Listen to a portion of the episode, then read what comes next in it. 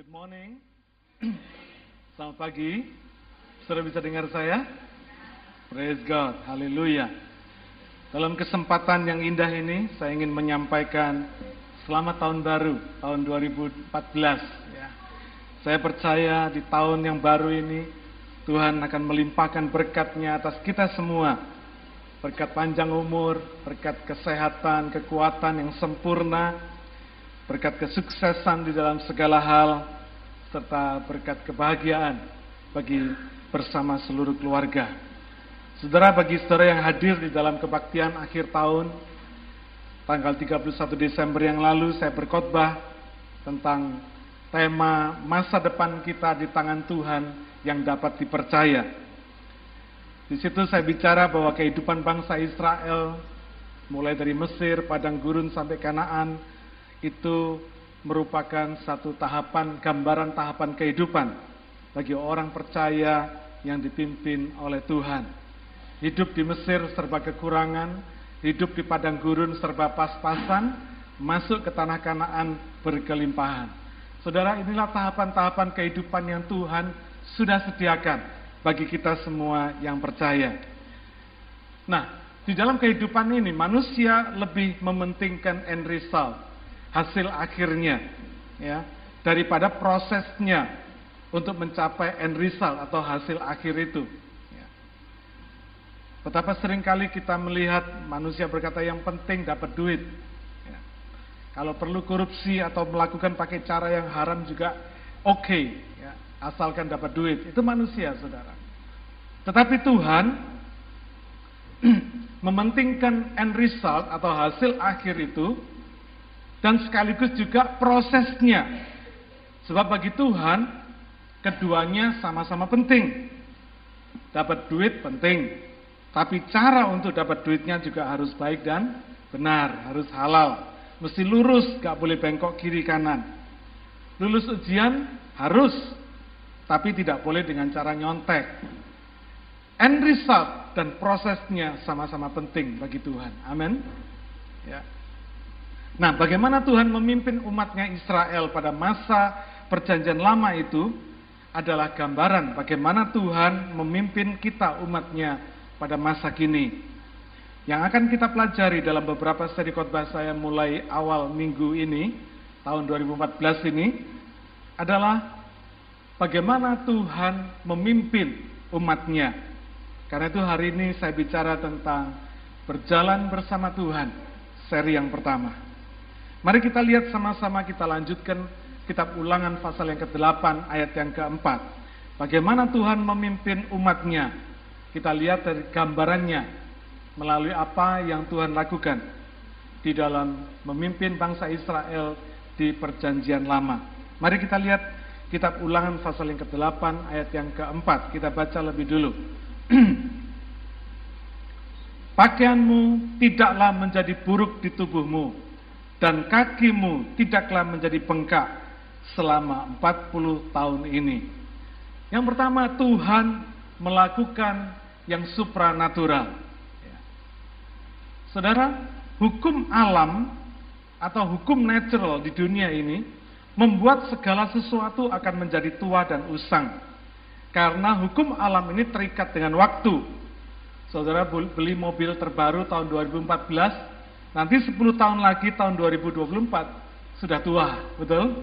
Karena apa? Sudah lewat 10 tahun. Dulu waktu saya beli BlackBerry, BlackBerry merupakan smartphone pertama, eh, dianggap paling canggih gitu ya, tapi ternyata sekarang sudah nggak ada yang mau pakai lagi, saudara. Ya. Di Australia sudah nggak ada lagi. Ya. Tapi Tuhan tidak terikat dengan waktu. Dia adalah Alfa dan Omega, yang awal dan yang akhir. Dia kekal selamanya. Wahyu 22 ayat 13 berkata, Aku adalah Alfa dan Omega, yang pertama dan yang terkemudian, yang awal dan yang akhir. Saudara, kalau kita perhatikan, dimensi Allah itu adalah dimensi kekekalan yang melampaui waktu. Karena itu semua yang dimiliki atau yang dilakukan Allah adalah kekal. Amin. Anugerah keselamatan yang diberikannya kekal. kasihnya kekal, tak berkesudahan, penebusannya kekal, sekali untuk selamanya. Malaikat ketiga ayat yang keenam, bahwasanya aku Tuhan tidak berubah dan kamu Bani Yakub tidak akan lenyap. Dimensi Allah adalah dimensi yang tetap dan tidak pernah berubah, kekal selamanya.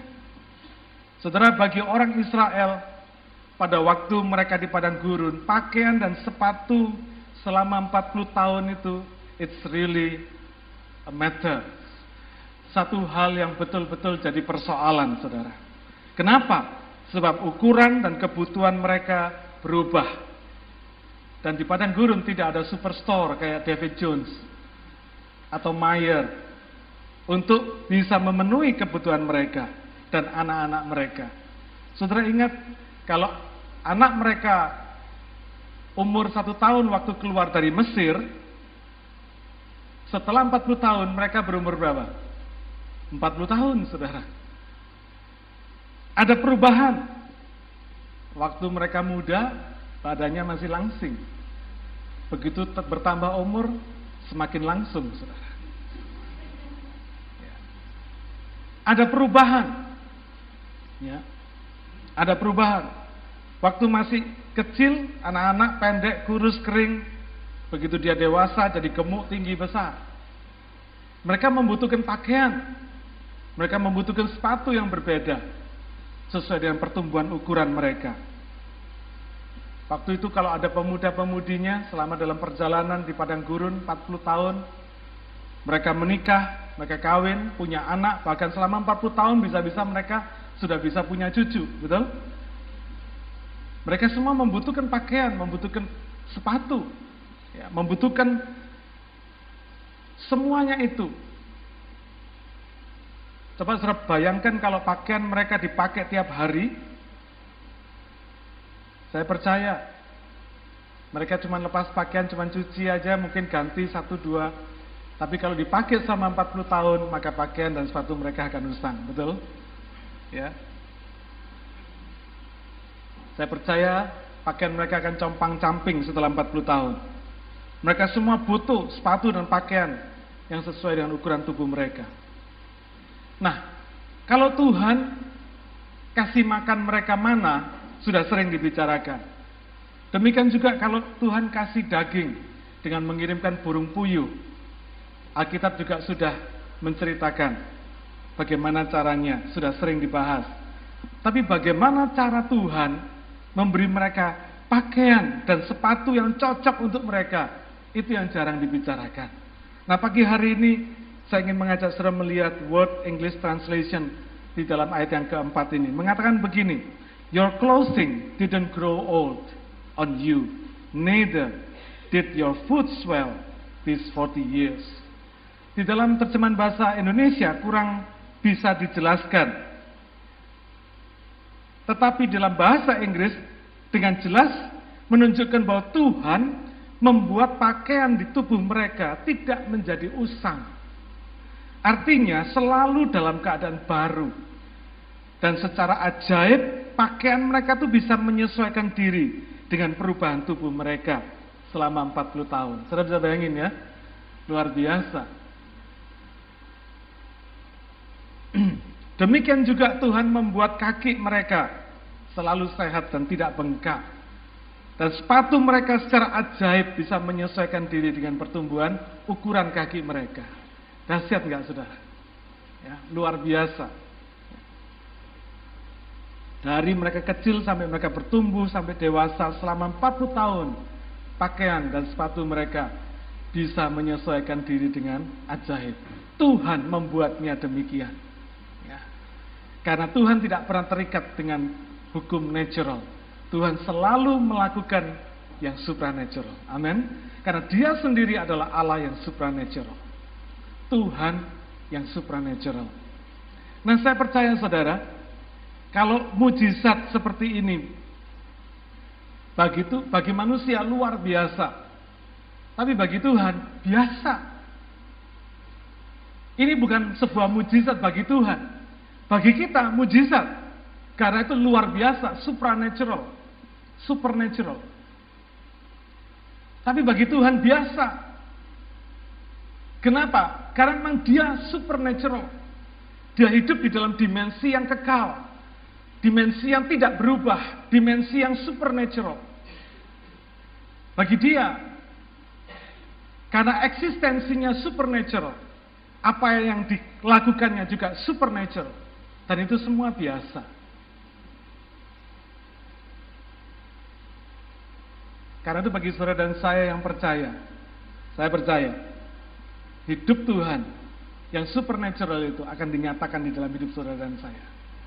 Amin. Saudara, ini hal serius. Saya sampaikan ini pada awal tahun 2014. Saya berharap dan saya berdoa supaya sepanjang tahun 2014 ini saudara mengalami hal-hal yang supernatural dari Tuhan. Amin. Kenapa? Karena kita hidup bersama Dia. Kita hidup berjalan bersama Tuhan yang supernatural. Maka saya percaya hidupnya Allah yang supernatural akan terjadi di dalam kita. Jangan pernah ada ketakutan lagi dalam hidup kita. Karena kita hidup bersama Tuhan yang supernatural. Saya mau kasih saudara ilustrasi. Selama ini kita mengenal angka bilangan 0 sampai 9. Ya, bilangan desimal dikatakan di situ. Tetapi kalau kita perhatikan, komputer kita itu nggak mengenal bilangan desimal ini. Komputer kita mengenal bilangan binary, binary numeral system. Cuma kenal 01, itu komputer kita. Dia nggak bisa kenal 0 sampai 9, enggak. Kelamaan bagi komputer. Bagi komputer cuma ada binary numeral system. Cuma ada dua, 01, 01. Nah bayangkan saudara, kalau kita tidak mau masuk di dalam bahasa komputer ini, kita nggak akan pernah bisa pakai komputer canggih sampai hari ini. Ya. Semua yang saudara lihat di atas multimedia tadi itu semua hasil karya komputer, betul? Nah, hasil karya komputer ini, komputer ini bergerak dengan binary system tadi itu. Tidak bergerak dengan desimal seperti yang kita kenal, yang biasa kita pakai 0 sampai 9. 0, 1, 2, 3, 4, sampai 9. Enggak. Cuma 01 aja. Itu bahasanya komputer. Nah demikian juga pada hari ini. Sebagai umat Tuhan. Yang supernatural itu. Dimensi siapa yang kita mau ikuti. Nangkep enggak saudara? Ya. Kalau tadi saya bilang. Kalau kita ngikuti dimensinya komputer. Kita bisa menikmati. Kita bisa melihat betapa manfaat komputer pada hari ini. Luar biasa. Dahsyat sekali. Tapi kalau kita tetap berkukuh, bersikukuh pada desimal, ya, bilangan desimal kita, kita nggak akan bisa menikmati kecanggihan komputer sampai hari ini. Kita tetap akan ngitung-hitungan mungkin pakai sipua, ya, pakai sipua, nggak lebih daripada itu. Nggak bisa menikmati kecanggihannya. Tapi dengan binary system, komputer hari ini, kita bisa menikmati kecanggihannya. Luar biasa sekali. Saudara, hari ini saudara mau hidup dengan dimensi siapa? Kalau saudara mau hidup dengan dimensi kita sendiri, saudara nggak akan pernah bisa mengalami hal-hal yang supernatural. Semuanya serba biasa. Saya mau kasih contoh lagi. Saudara dan saya ini hidup di dalam dimensi alam yang tiga dimensi. Ya, ada panjang, ada lebar, ada tinggi. Itu tiga dimensi. Saudara dan saya hidup di dalam tiga dimensi ini. Ini habitat kita. Eksistensi kita ada di tiga dimensi ini. Bisa nggak kira-kira foto saudara ada di majalah? Bisa nggak? Ada, bisa. Foto saudara ada di komputer? Bisa. Wajahnya saudara. Bisa nggak kelihatan saudara menari-menari di film? Bisa nggak? Bisa. Bisa. Kenapa? Karena kecanggihan, kecanggihan komputer. Tapi saya mau kasih tahu saudara, eksistensi habitat saudara hidup di tiga dimensi ini. Saudara nggak hidup di foto, meskipun wajah saudara ada bisa ada di foto, bisa ada di komputer, bisa di, ada di iPad. Meskipun mungkin film saudara bisa dilihat di layar, tapi semua ini adalah cuma dua dimensi, cuma punya panjang sama lebar aja itu bukan habitat kita, bukan letak kehidupan kita, itu bukan dimensi kehidupan kita. Nangkep nggak saudara? Yang dua dimensi tadi itu bukan tempat kita hidup. Tetapi yang tiga dimensi ini, itu tempat kita hidup. Nangkep nggak saudara? Nah, kalau kita mau hidup mengikuti dimensi Allah yang supernatural itu, saya percaya kehidupan kita akan penuh dengan hal-hal yang supernatural. Kehidupan kita akan masuk di dalam satu dimensi yang supernatural, yang saudara pikir ajaib, mujizat, luar biasa, tapi sesungguhnya biasa bagi Tuhan. Amin. Bagi kita luar biasa, bagi Tuhan biasa, saudara. Nah, saya mau ingatkan saudara dan saya ini adalah anak-anaknya, umatnya, yang hidup berjalan bersama Allah yang luar biasa itu. Allah yang supernatural itu. Karena itu jangan pernah ragu dan jangan pernah bimbang untuk hidup di dalam dimensi Allah yang supernatural ini. Mulailah dari pikiran saudara. Mulailah dari perkataan saudara. Mulailah dari perbuatan saudara. Mulailah dengan karakter saudara. Maka saya percaya kehidupan saudara akan penuh dengan mujizat. Ya.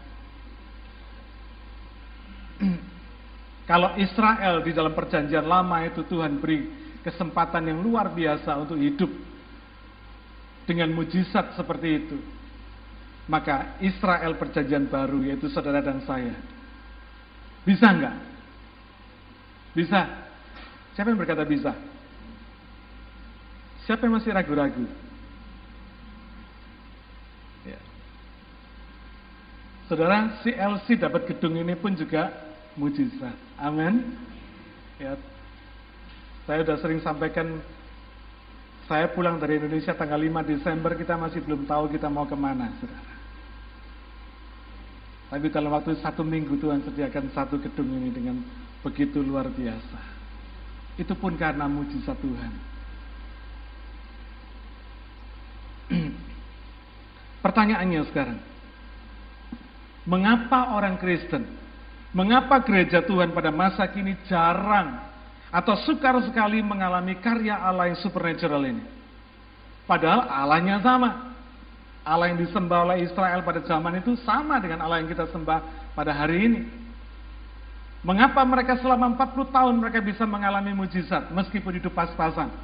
Tapi mengapa gereja pada masa kini, orang Kristen pada masa kini dengan hidup di dalam kecanggihan komputer yang luar biasa pada masa kini? di, di, di era modernisasi pada hari ini, kenapa kita justru makin jarang mengalami supernatural, jarang mengalami mujizat Tuhan? Kenapa? Jawabannya sederhana, karena kita kurang percaya bahwa Allah itu kekal dan Allah itu tidak berubah. Kita lebih percaya pada logika kita daripada logika Tuhan. Amin. Kita masih lebih mempercayai apa yang kita bisa daripada apa yang Tuhan bisa. Markus 9 ayat 23 mengatakan demikian. Jawab Yesus, katamu jika engkau dapat, tidak ada yang mustahil bagi orang yang percaya. Saudara ganti kata orang di situ dengan saya. Sehingga menjadi tidak ada yang mustahil bagi saya yang percaya. Amin. Saudara, coba Kasih tahu kiri kanan saudara. Tidak ada yang mustahil. Bagi saya dan kamu yang percaya. Katakan dengan serius saudara. Ya. Saya berdoa supaya tahun 2014 ini adalah tahun penuh mujizat buat saudara dan saya. Amin. Kita sudah mengalami begitu banyak mujizat tahun 2013. Ya. Tapi saya percaya tahun 2014 ini akan lebih banyak lagi mujizat terjadi dalam hidup saudara dan saya. Hidup dalam gereja ini. Amin. Haleluya. Haleluya. tidak tidak ada yang mustahil bagi Tuhan dan bagi orang yang percaya. Nah, tadi saya katakan bagi Tuhan mujizat itu biasa. Tapi Markus 9 ayat 23 ini menekankan tidak ada yang mustahil bagi orang yang percaya. Artinya saudara dan saya bisa masuk di dalam dimensi kemustahilan menurut dunia ini. Tapi bagi Tuhan biasa. Amin. Haleluya. Rindukan itu saudara. Kalau saudara tidak pernah merindukan itu dalam hati dan pikiran saudara, bagaimana saudara bisa mengalaminya? Saya punya moto sederhana, DBM. Gampang diingatnya. Dream, believe, and make it happen. Dream, D. B. Believe, percaya. Bukan percaya pada diri sendiri, percaya kepada Tuhan. Yang dahsyat itu. M. Make it happen. Beranilah bermimpi. Percayalah kepada apa yang Tuhan bisa lakukan dalam hidup saudara dan saya. Dan make it happen. Biarlah itu jadi dalam kehidupan saudara. Saya percaya kalau hari ini Tuhan berikan kepada kita gedung yang luar biasa ini. Satu kali Tuhan berikan gedung ini untuk kita. Saya yang percaya? Haleluya. Ingat ya, kuncinya cuma sederhana. Jangan percaya sama diri kita sendiri. Percaya sama Tuhan. Kalau sudah berhasil mempercayai Tuhan lebih daripada diri saudara sendiri, nanti lihat hidup saudara akan penuh mujizat.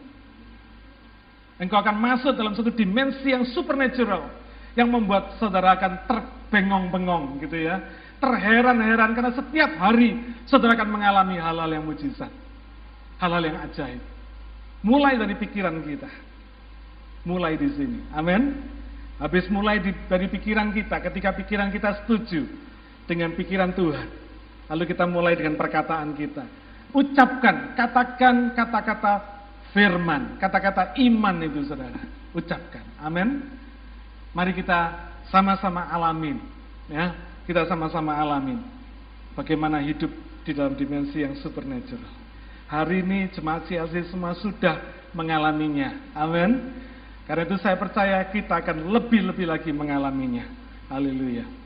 Yang pertama tadi Tuhan melakukan, memimpin, berjalan bersama kita dengan cara yang supernatural. Saudara ingat-ingat ya, simple. Tuhan berjalan dengan cara yang supernatural, memimpin kita dengan cara yang supernatural. Yang kedua, Tuhan mendisiplin umatnya sebagai anak. Mari kita baca ulangan pasal 8 ayat yang kelima. Maka haruslah engkau insyaf bahwa Tuhan Allahmu mengajari engkau seperti seseorang mengajari anaknya. Saya ingin baca dalam terjemahan bahasa Inggris. You shall consider in your heart that as a man chastens his son, so Yahweh your God chastens you. Saudara dalam bahasa Inggris ini lebih jelas, dalam bahasa Indonesia kurang terjemahannya. Dikatakan maka haruslah engkau insyaf bahwa Tuhan Allahmu itu akan mendisiplin, mendidik. Bahkan kadang-kadang akan menghukum Engkau seperti seorang laki-laki mengajari anaknya laki-laki, mendidik, mendisiplin anaknya laki-laki. Ini penting, saudara. Tuhan bukan seperti mama yang ngajarin anaknya main boneka, enggak. Tapi Tuhan itu seperti seorang laki-laki yang mendidik anaknya laki-laki. Saudara, bagi saudara yang sudah jadi ayah, saudara pasti ngerti bagaimana cara mendidik anak laki-laki pasti tidak sama dengan mendidik anak perempuan. Betul nggak? Siapa yang setuju dengan kata-kata saya? Ya. Orang tua, khususnya ayah, itu mendidik anaknya laki-laki itu biasanya akan lebih keras, lebih tough, lebih tegas, lebih disiplin daripada mendidik anaknya perempuan. Setuju? Saudara tidak akan memperlakukan anak perempuan saudara dengan anak laki-laki saudara sama.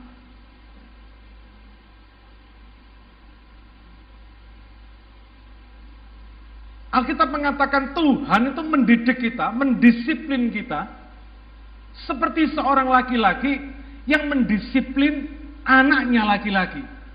Hebat nggak saudara? Apa yang menjadi gambaran kita kalau hari ini kita baca ayat ini? Kadang-kadang Tuhan izinkan dia lakukan sesuatu yang keras buat hidup kita, betul? Rasanya buat kita Berat. Tapi itulah didikan Tuhan. Unfortunately, meskipun saudara perempuan, Tuhan akan mendidik kita, mendidik saudara, seperti ayah mendidik anaknya laki-laki. Supaya apa? Fisik saudara boleh perempuan, Tetapi hati, pikiran, dan mental saudara harus laki-laki. Amin. Saya tidak suruh saudara yang perempuan jadi tomboy semua, enggak. Enggak. Terus besok pagi enggak ada yang pakai rok, pakai celana semua. Enggak, saya enggak ngajarin begitu. Tapi saya mau kasih tahu saudara bahwa Tuhan itu akan mendidik saudara seperti ayah mendidik anak laki-lakinya. Tuhan itu akan mendisiplin kita dengan keras, dengan tegas, tough. Kadang-kadang kelihatan kejam dalam tanda petik, kelihatannya, tapi enggak. Enggak pernah ada orang tua menghukum anaknya sampai mati, enggak. Enggak pernah. Dia sayang kepada anaknya. Tetapi karena karena ayah ini sayang kepada anaknya, dia mendidik anaknya dengan keras.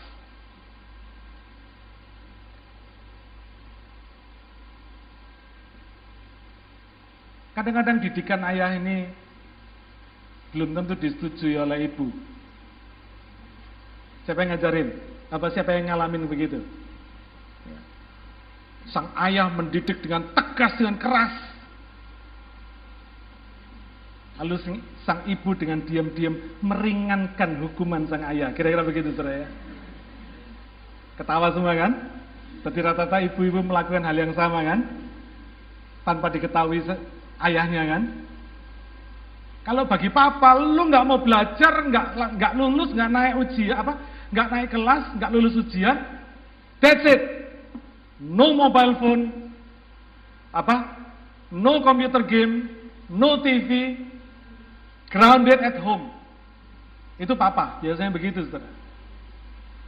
Lalu mama kelihat anaknya memberikan tampang yang berbelas kasihan, tak tega. Ya kan? Wah anak itu pinter loh saudara. Jangan saudara pikir anak itu tidak pinter. Anak itu bisa kasih tampang memelas saudara. Dengan penuh belas kasihan. Sehingga sampai mamanya nih lihat anaknya termenung-menung tiap hari karena tidak boleh ada mobile phone, tidak boleh ada komputer game, tidak boleh ada semuanya. Tidak tega. Nah ini kadang-kadang sering kali ibu-ibu melakukan kesalahan yang fatal. Sang ayah mendidik anak ini tujuannya bukan jahat. Tapi supaya anak ini tahu tanggung jawab dan tahu konsekuensi terhadap perbuatannya sendiri. Males kok nggak belajar sampai nggak nggak naik kelas, nggak lulus ujian. Yo harus ada tanggung jawabnya kan? Ini maksudnya ayah. Tapi ibu sering kali tidak tega. Tanpa disadari banyak ibu-ibu melakukan dualisme di dalam keluarga. Dan ini mencelakakan anaknya sendiri. Kenapa? Karena si anak ini akhirnya dia tidak tahu konsep baik, buruk, benar, salah. Tidak ngerti, saudara. Karena sama papanya dididik, sama ibunya di backup, kira-kira begitu. Jadi bagi anak ini dia nggak ngerti konsep salah benernya. Dan akibatnya anak seperti ini kalau dia bertumbuh dewasa, dia biasanya nggak tahu tanggung jawab, nggak konsekuen terhadap apa yang dia katakan dan apa yang dia lakukan.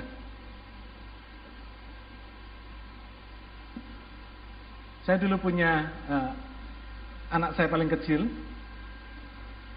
saya tahu anak saya ini punya bakat main piano, saudara. Tapi malesnya luar biasa. Kalau suruh latihan lagu, main piano, males sekali, saudara. Sampai pada satu hari dia harus ujian piano. Saya bilang sama dia, coba kamu main lagu yang kamu besok mau ujian. Dia mulai mainkan. Masih meleset-meleset salah-salah. Saya bilang kamu duduk di sini latihan tak tak jejari sama papa. Papa akan duduk di sini.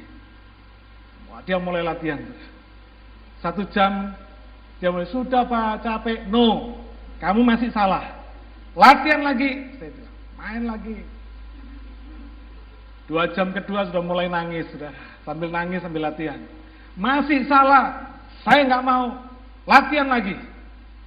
Istri saya sudah mulai ngomel di belakang. Oh anak lu dulu udah dua jam ini. Kasihan. Sudah mulai menyanyi di kiri kanan saya.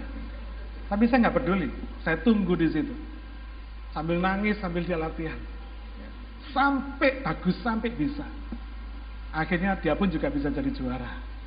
Ya. Saudara, kadang-kadang Tuhan itu mendidik kita dengan keras.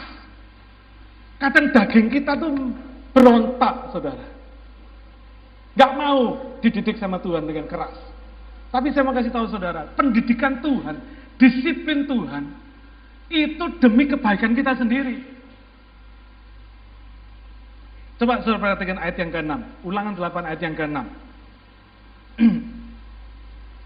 Oleh sebab itu, haruslah engkau berpegang pada perintah Tuhan, Alamu, dengan hidup menurut jalan yang ditunjukkannya, dan dengan takut akan dia. Saudara perhatikan dengan kata, haruslah. Amin. Harus es harus, saudara. Ini bukan himbauan. Tapi is an order. Satu perintah, commandment. Tidak bisa ditawar, no choice.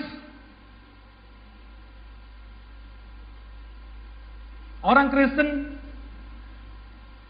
mesti hidup dengan firman Tuhan. It's not an option. It is an obligation. Bukan pilihan, tapi keharusan. Satu tanggung jawab, kewajiban. Baca Alkitab harus. Saat teduh harus. Mulai tahun ini saya akan tough sama jemaat CLC. Ini sudah tahun ketujuh. Amin. Masuk tahun ke-8. Sudah tidak ada lagi yang namanya option-optionan. Tidak ada. Setiap jemaat harus saat teduh. Tidak ada alasan, saya sudah kasih tahu saudara ya. Kalau alasan tidak kelihatan karena mata sudah tua, mata sudah rabun, pakai oh kaca pembesar. Ya. Kalau perlu beli kaca pembesar satu piring begini besarnya ada. Ya. Kalau tidak punya duit, bilang sama saya tak carikan, tak belikan. Harus kita anak Tuhan, harus hidup dengan firman. Harus saat teduh. Hari ini adalah pengumuman saya kedua setelah pengumuman saya pertama tanggal 31 Desember. Saya rindu supaya di dalam kebaktian kita kita selesai satu setengah jam, lalu kemudian disusul setengah jam 30 menit kita membentuk kelompok-kelompok, ya. Kita membentuk kelompok-kelompok untuk kita share saat teduh kita masing-masing, belajar berani share atau sekaligus belajar latihan bagaimana kita saat teduh hidup oleh firman. Para pelayanan Tuhan di CLC harus ikut Bible study. Saya nggak mau melihat saudara melayani di CLC, nyanyinya pinter, main musiknya bagus, tapi doktrinnya kacau. Saya nggak mau. Malu saya saudara. Kenapa? Karena saudara melayani di CLC, saudara melayani di gereja, orang itu melihat saudara sebagai apa? Sebagai pelayan Tuhan. Lah bayangkan kalau sudah ditanya sama mereka, saudara nggak bisa jawab. Mau jadi apa? Melayani Tuhan loh saudara, saudara pelayan Tuhan loh. Setiap minggu kelihatan sudah melayani, nggak perlu apa nggak peduli saudara melayani di bidang apa, tapi sebagai pelayan Tuhan, saudara harus belajar firman Tuhan. Saudara harus Bible study. Saya minta nanti disesuaikan. Tiap hari Sabtu jam 3 siang akan ada Bible study di tempat ini. Dan saya minta semua pelayan Tuhan ikut Bible study saya. Saya berjanji saya akan memberikan Bible study terbaik yang bisa saya berikan untuk saudara. Dan di situ kita ada tanya jawab. Kita ada diskusi sehingga saudara bisa ngerti.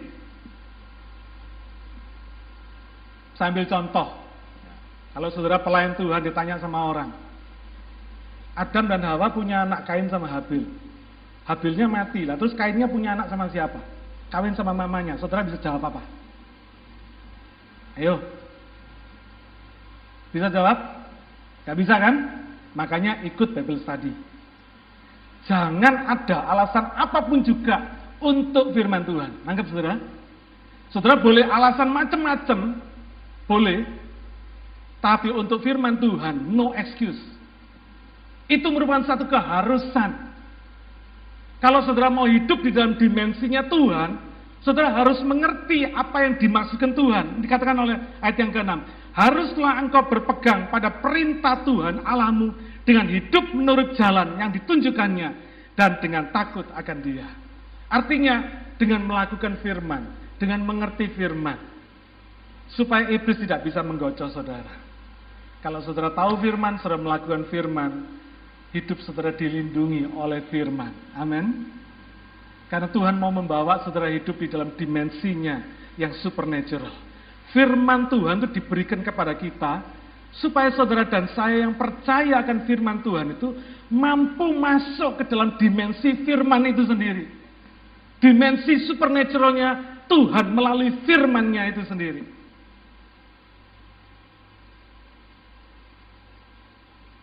Kelihatannya susah, susah. Siapa yang bilang belajar firman Tuhan tidak susah? Susah. Tapi bisa. Amin. Sukar tapi bisa. Karena roh kudus akan menolong kita. Saya percaya saudara nggak perlu sekolah Alkitab. Saudara bisa belajar firman Tuhan. Saudara bisa mengerti firman Tuhan. Amin. Haleluya. Saudara kenal Rudi Hartono? Seorang juara All England bulu tangkis orang Indonesia, juara All England 8 kali. Ya. Kebetulan papa saya teman baiknya papanya Rudi Hartono. Saya panggil papanya Rudi Hartono Om Sekin. Ya. Sejak umur 4 tahun, Rudi Hartono pulang sekolah, masih taman kanak-kanak, saudara. Pulang sekolah sudah dikasih raket sama papanya, diajak ke TNH. Belajar bulu tangkis 4 jam Saudara kira-kira kalau jadi mamanya protes enggak? Anak baru umur 4 tahun dikasih raket pulang sekolah, langsung diajar main badminton 4 jam tiap hari. Mungkin mamanya sudah protes-protes, tapi papanya Om Sekin saya tahu orang kepala batu. Keras. Dia selalu berkata sama anaknya, lu mau jadi juara enggak? Papanya ngasih tahu Rudi Hartono, lu mau jadi juara nggak? Si Rudi berkata, mau pak. Mau jadi juara apa? Juara dunia pak. Ya bagus. Tidak usah jadi juara Indonesia, juara dunia langsung. Rudi Hartono tidak pernah jadi juara Indonesia, saudara. Tapi juara All England langsung 8 kali, saudara. Umur 16, pertama kali dia jadi juara All England yang pertama. Saya percaya tanpa didikan papanya yang begitu keras dan disiplin, tidak ada yang namanya Rudi Hartono tercatat di Guinness Book of Record pada hari ini. Delapan kali juara All England. Nangkep saudara? Mau dididik dengan disiplin seperti itu? Kalau kita jadi pelayan Tuhan, gak mau dididik dengan disiplin sama Tuhan, jangan jadi pelayan Tuhan. Sungguh, saudara, saya serius. Tapi kalau kita punya passion untuk masuk di dalam dimensi Tuhan yang dahsyat di dalam kehidupan kita. Kita harus siap dididik dan disiplin oleh Tuhan. Amin.